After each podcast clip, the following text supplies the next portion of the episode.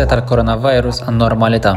Il-ġurnalist Taljan Giulio Gidotti li huwa propju minn Bergamo wieħed mill-iżjed postit minn quta mill-pandemija tal-coronavirus jiddiskuti ma' Times of Malta Sports Desk is-sitwazzjoni tal-coronavirus ġewwa Bergamo u kif it-tim ta' Atalanta li huwa propju minn Bergamo jiet jirrappreżenta s-solidità u l-kuraġġ dan il-poplu b'riżultati tajbin kemm fil-Kampjonat Talja u kif ukoll fi Champions League. Nittamaw li din hija intervista tant interessanti għalikom u ta' min isemmi li din l-intervista se tkun bil-lingwa Taljana. Ciao Giulio, grazie per aver accettato nostra, il nostro invito per essere sul nostro podcast, è un grande piacere parlare, parlare con te, io e te siamo amici, amici da un po' adesso, no? eh, ma questa mi sa che è la prima nostra chiacchierata come, come intervista formale. Allora, ciao Giulio e innanzitutto per partire, per chi, per chi non ti conosce, eh, ci dai qualche introduzione su di te sul tuo lavoro anche, no? Sì, ciao Gianluca, grazie, innanzitutto grazie dell'opportunità per, per l'intervista. E, um, sì, allora io sono giornalista, sono di Bergamo innanzitutto, vivo tra l'altro molto vicino all'aeroporto di, di Bergamo, ora serio che penso che molti, molti maltesi eh, conoscono perché magari eh, sono atterrati o ripartiti proprio dall'aeroporto di, di Bergamo. E, um, a Bergamo faccio appunto come, come, lavoro il giornalista sportivo e seguo da, da un po' di anni l'Atalanta, soprattutto il settore giovanile, la primavera, quindi l'Under 19, questo da molti anni. E negli ultimi anni seguo anche molto bene la, la Serie C perché seguo l'Albino Leppe, eh, entrambe le realtà sia per il quotidiano locale di Bergamo, ma l'Albino Leppe lo seguo anche per la Gazzetta dello, dello Sport, che conoscete come il giornale, il quotidiano nazionale. Benissimo, e infatti quello significa che sei, hai molto da fare sempre, no? fra una gara e l'altra, fra un rapporto e l'altro, no?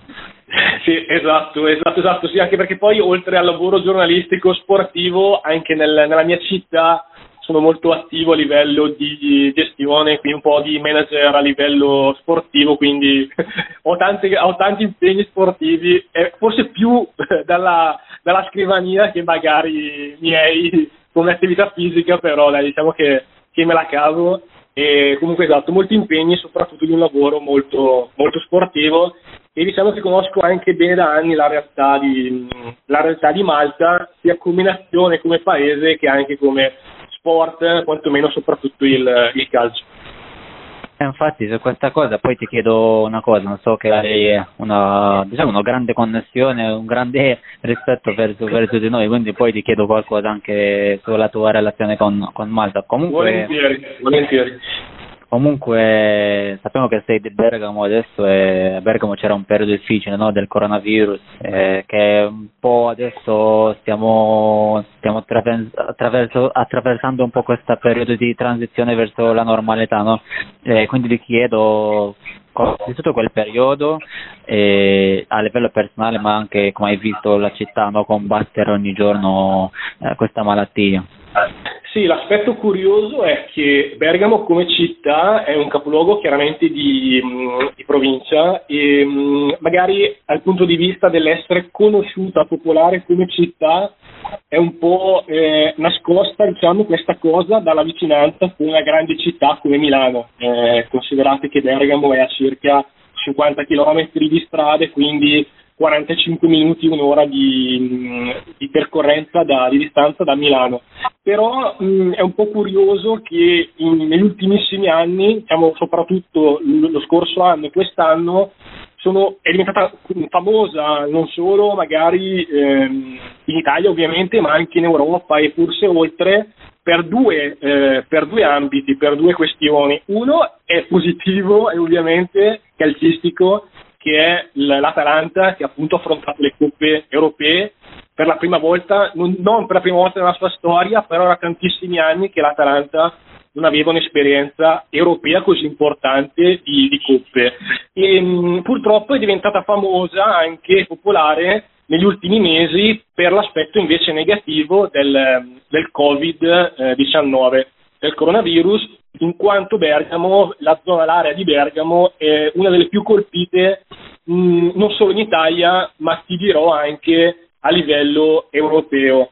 eh, quindi l'area di Bergamo e più in generale quella della regione Lombardia. Come dicevi comunque anche tu, il momento, il periodo peggiore eh, è passato. Io identifico il momento più terribile, quello da inizio marzo. Qui ovviamente eh, l'Italia, come ben sapete, è arrivato pri- come eh, nazione europea è arrivata prima che in altri stati la, l'epidemia e in Lombardia, Bergamo era già forte a inizio marzo. E, mh, quindi il periodo terribile è stato da inizio marzo a metà aprile, all'incirca il periodo di, di Pasqua. Eh, ogni giorno c'era qualche conoscente che si era ammalato o che era stato ricoverato in ospedale o che purtroppo non ce l'ha fatta. Cioè iniziavi la mattina sentendo la notizia di un conoscente e durante il giorno finivi la sera con altre notizie eh, brutte. Ehm, poi la cosa più, la sensazione principale è stata che c'era il silenzio totale del lockdown, quindi eh, po- pochissime auto e tutto fermo, però si sentivano durante la giornata le sirene delle, delle croce rosse, dell'ambulanza e quindi è stato un periodo veramente eh, particolare e insolito, sembra davvero di essere, di essere in guerra come, come clima.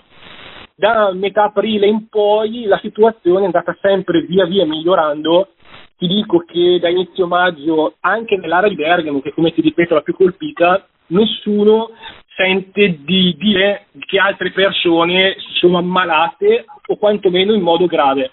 Perché penso che anche da Malta vedete i dati dell'Italia dove ancora ci sono dei nuovi casi positivi, anche in Lombardia, però sono comunque pochi, ma soprattutto sono o senza sintomi asintomatici o comunque con eh, sintomi molto, molto leggeri e quindi la strada sembra quella, quella buona. Infatti abbiamo visto tutti noi quelle, quei filmati no, di quei carri di, di armati de, del militare che portano purtroppo i, le vittime. È stata, è stata, una scena un po' come, come succede in altri paesi, no? come, come, in Iraq o in Iran o qualcosa simile. È stato, stato qualcosa di, di pauroso. No? Adesso che stiamo arrivando verso la normalità eh, c'è Atalanta che va a mille in campo però eh, mi sa che anche come, come, hai detto tu come città come anche regione anche come, capo, com, come tutta la regione no? eh, sta dando un messaggio forte no? che, che, anche hanno mostrato durante questo periodo che il popolo di, Bergamo è forte nei combatti ogni giorno magari anche grazie all'Atalanta che eh, che continua a lavorare, no? Certo, eh, hai fatto un ottimo, un ottimo collegamento, eh, anche perché eh, io credo che mh, sul fatto della ripartenza delle squadre della Serie A una, una piccola parte eh, di lavoro, quello che è stato fatto dai calciatori eh, a casa a livello individuale eh, per un periodo comunque di importante come spazio di, di tempo ha avuto un certo peso. Poi chiaro, quello che si fa sul campo con l'allenatore è differente, questo ok. Però a Bergamo quel periodo da, di allenamento da casa dei calciatori da soli eh, non è stato facile perché comunque si viveva in una città che era alle prese, che era coinvolta in un problema molto più serio del calcio, dello sport e molto grave. E, eppure credo che la mentalità i giocatori dell'Atalanta in quel periodo e poi sicuramente quando può essere ripartiti sul campo con, con Mister Gasperini direttamente è tornata eh, subito, anche grazie alla mentalità, eh, la squadra che era prima del, dello stop del, del, campionato e credo che chi ha visto, oltre ai risultati, chi ha visto le partite in televisione dell'Atalanta, anzi tutti, eh, forse qualche giornalista no, ma tutti, anche qui a Bergamo, perché gli stadi, come sapete, sono a porte chiuse, eh, tutti in televisione abbiamo visto l'Atalanta che è quasi simile a quella che avevamo lasciato prima del, dello stop.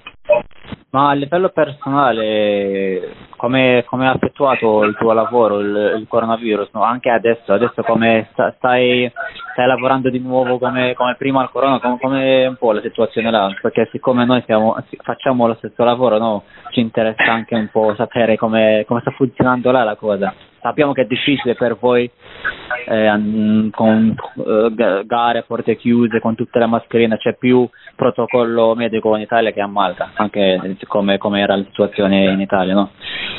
Vero, ma allora ti dico questa curiosità riguardo all'assistere, ovviamente come ben detto chi può andare negli stadi eh, è solamente, oltre alle, ai team, alle squadre, eh, tutti gli staff tecnici, eh, non solo delle squadre, ma anche organizzativi e la, la stampa. Però mh, fino a pochi giorni prima della ripartenza del campionato, il Ministero aveva limitato come numero di giornalisti a un numero veramente molto basso e si erano creati dei problemi anche su quello perché alcune squadre eh, più importanti hanno tan- tanti giornalisti e decidere tu puoi andare e tu no aveva creato dei problemi. Poi diciamo che l'intervento dell'associazione della stampa e accordi con il governo hanno allargato un po' eh, questo mh, discorso numerico e hanno un po' sistemato eh, questo, questo problema. Chiaro è che vivere una partita senza eh, pubblico è veramente, eh, ha veramente effetto, questo, questo sicuramente. Dirò che eh, quando c'era il primo periodo di marzo, qui non c'erano partite da seguire, ti parlo personalmente ovviamente, c'era tutto fermo, si faceva qualche intervista eh, con i dirigenti, parlo ad esempio dell'Albino Lesto, del settore giovanile dell'Atlanta, per capire quando si poteva ripartire e se si eh, sarebbe ripartiti. Ma soprattutto purtroppo il mese di marzo eh, mi, mi, è toccato scrivere eh, purtroppo persone, magari le più anziane, ok, che sono state anche quelle più colpite, vicine o alla realtà dell'Atalanta o vicine alla realtà dell'Albino Leffe che purtroppo sono anche, anche, morte. Quindi il mese di marzo è stato un mese particolare perché erano più le notizie legate ai problemi del virus che, eh, di, calcio, che di calcio vero.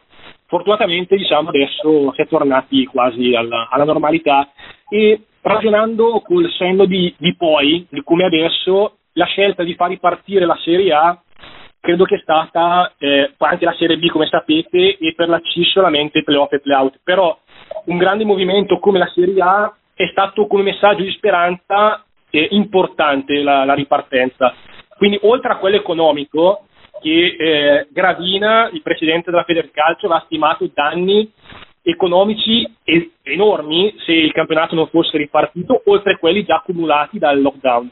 Però oltre all'aspetto economico la ripartenza dà veramente un clima eh, più di, di, socialità anche, certo c'è il discorso del distanziamento sociale, delle mascherine, soprattutto in Lombardia, però si vive un po' quelle emozioni da serie di estate che si vive quando c'è ad esempio i mondiali o gli europei.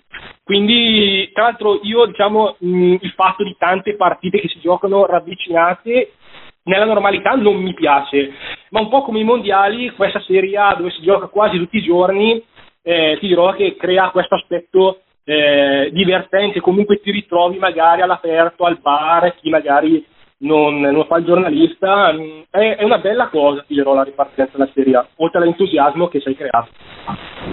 No, quello sicuro, no, perché per qualche mese abbiamo dimenticato come, come ci vivevamo prima del, del, del corona, no?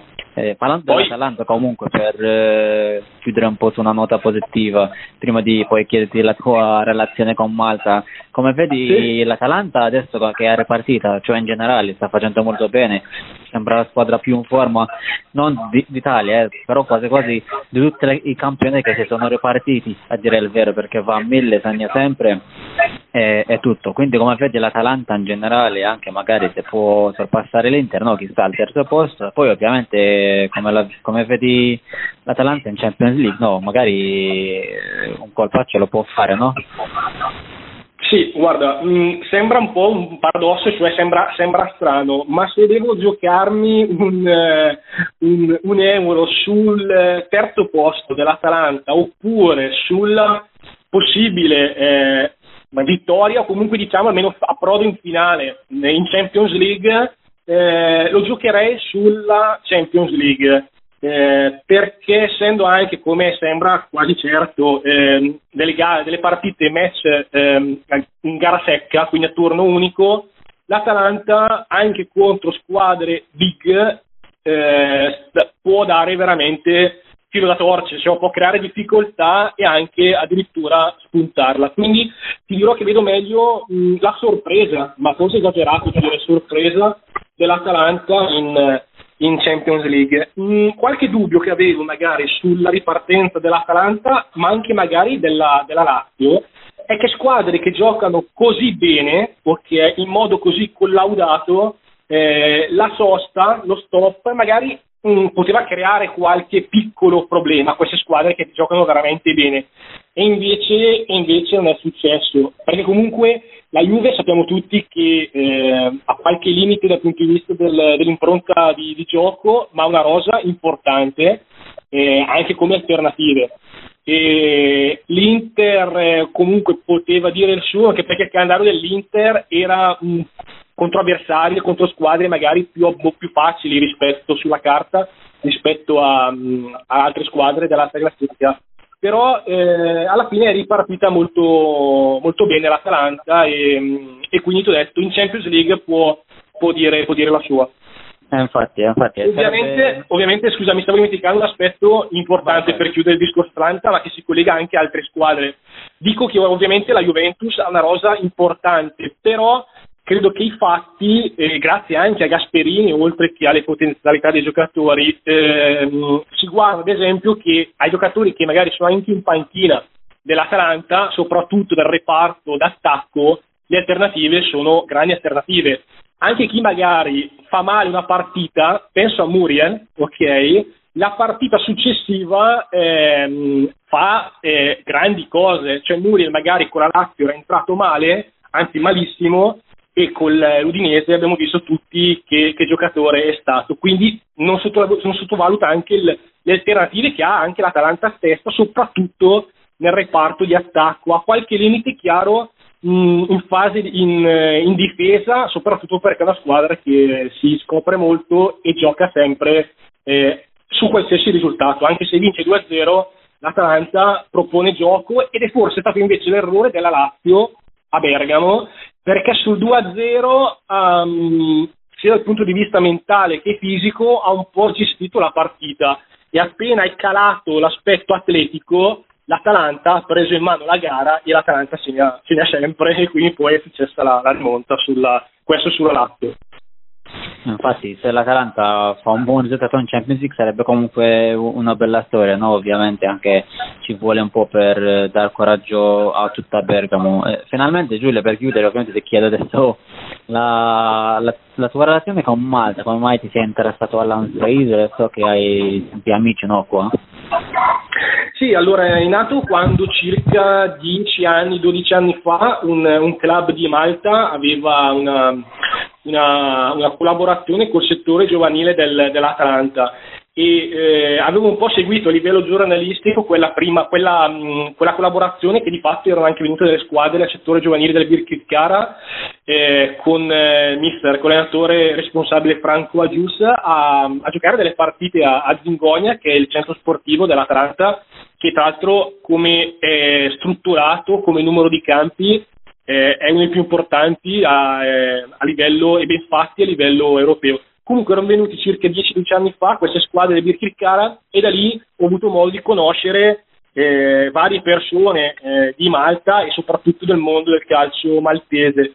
Poi eh, quando nel 2015 sono sceso a Malta per la prima volta, sicuramente eh, mi ha, ha, incuriosito tutta la realtà del, della nazione da sicuramente dei bellissimi paesaggi a una storia, una cultura molto particolare, visto che c'è un mix eh, che forse in poche altre nazioni si, si vede. E nonostante que- questo mix, e nonostante una nazione comunque piccola come, eh, come abitanti e come dimensione geografica, ho visto un, un orgoglio positivo a livello di sentirsi maltesi ed è una cosa che mi ha, mi ha incuriosito perché magari nazioni così piccole non hanno questa, eh, questo, questa, questo stimolo diciamo, di sentirsi di maltesi in questo, in questo, caso e quindi mi ha colpito.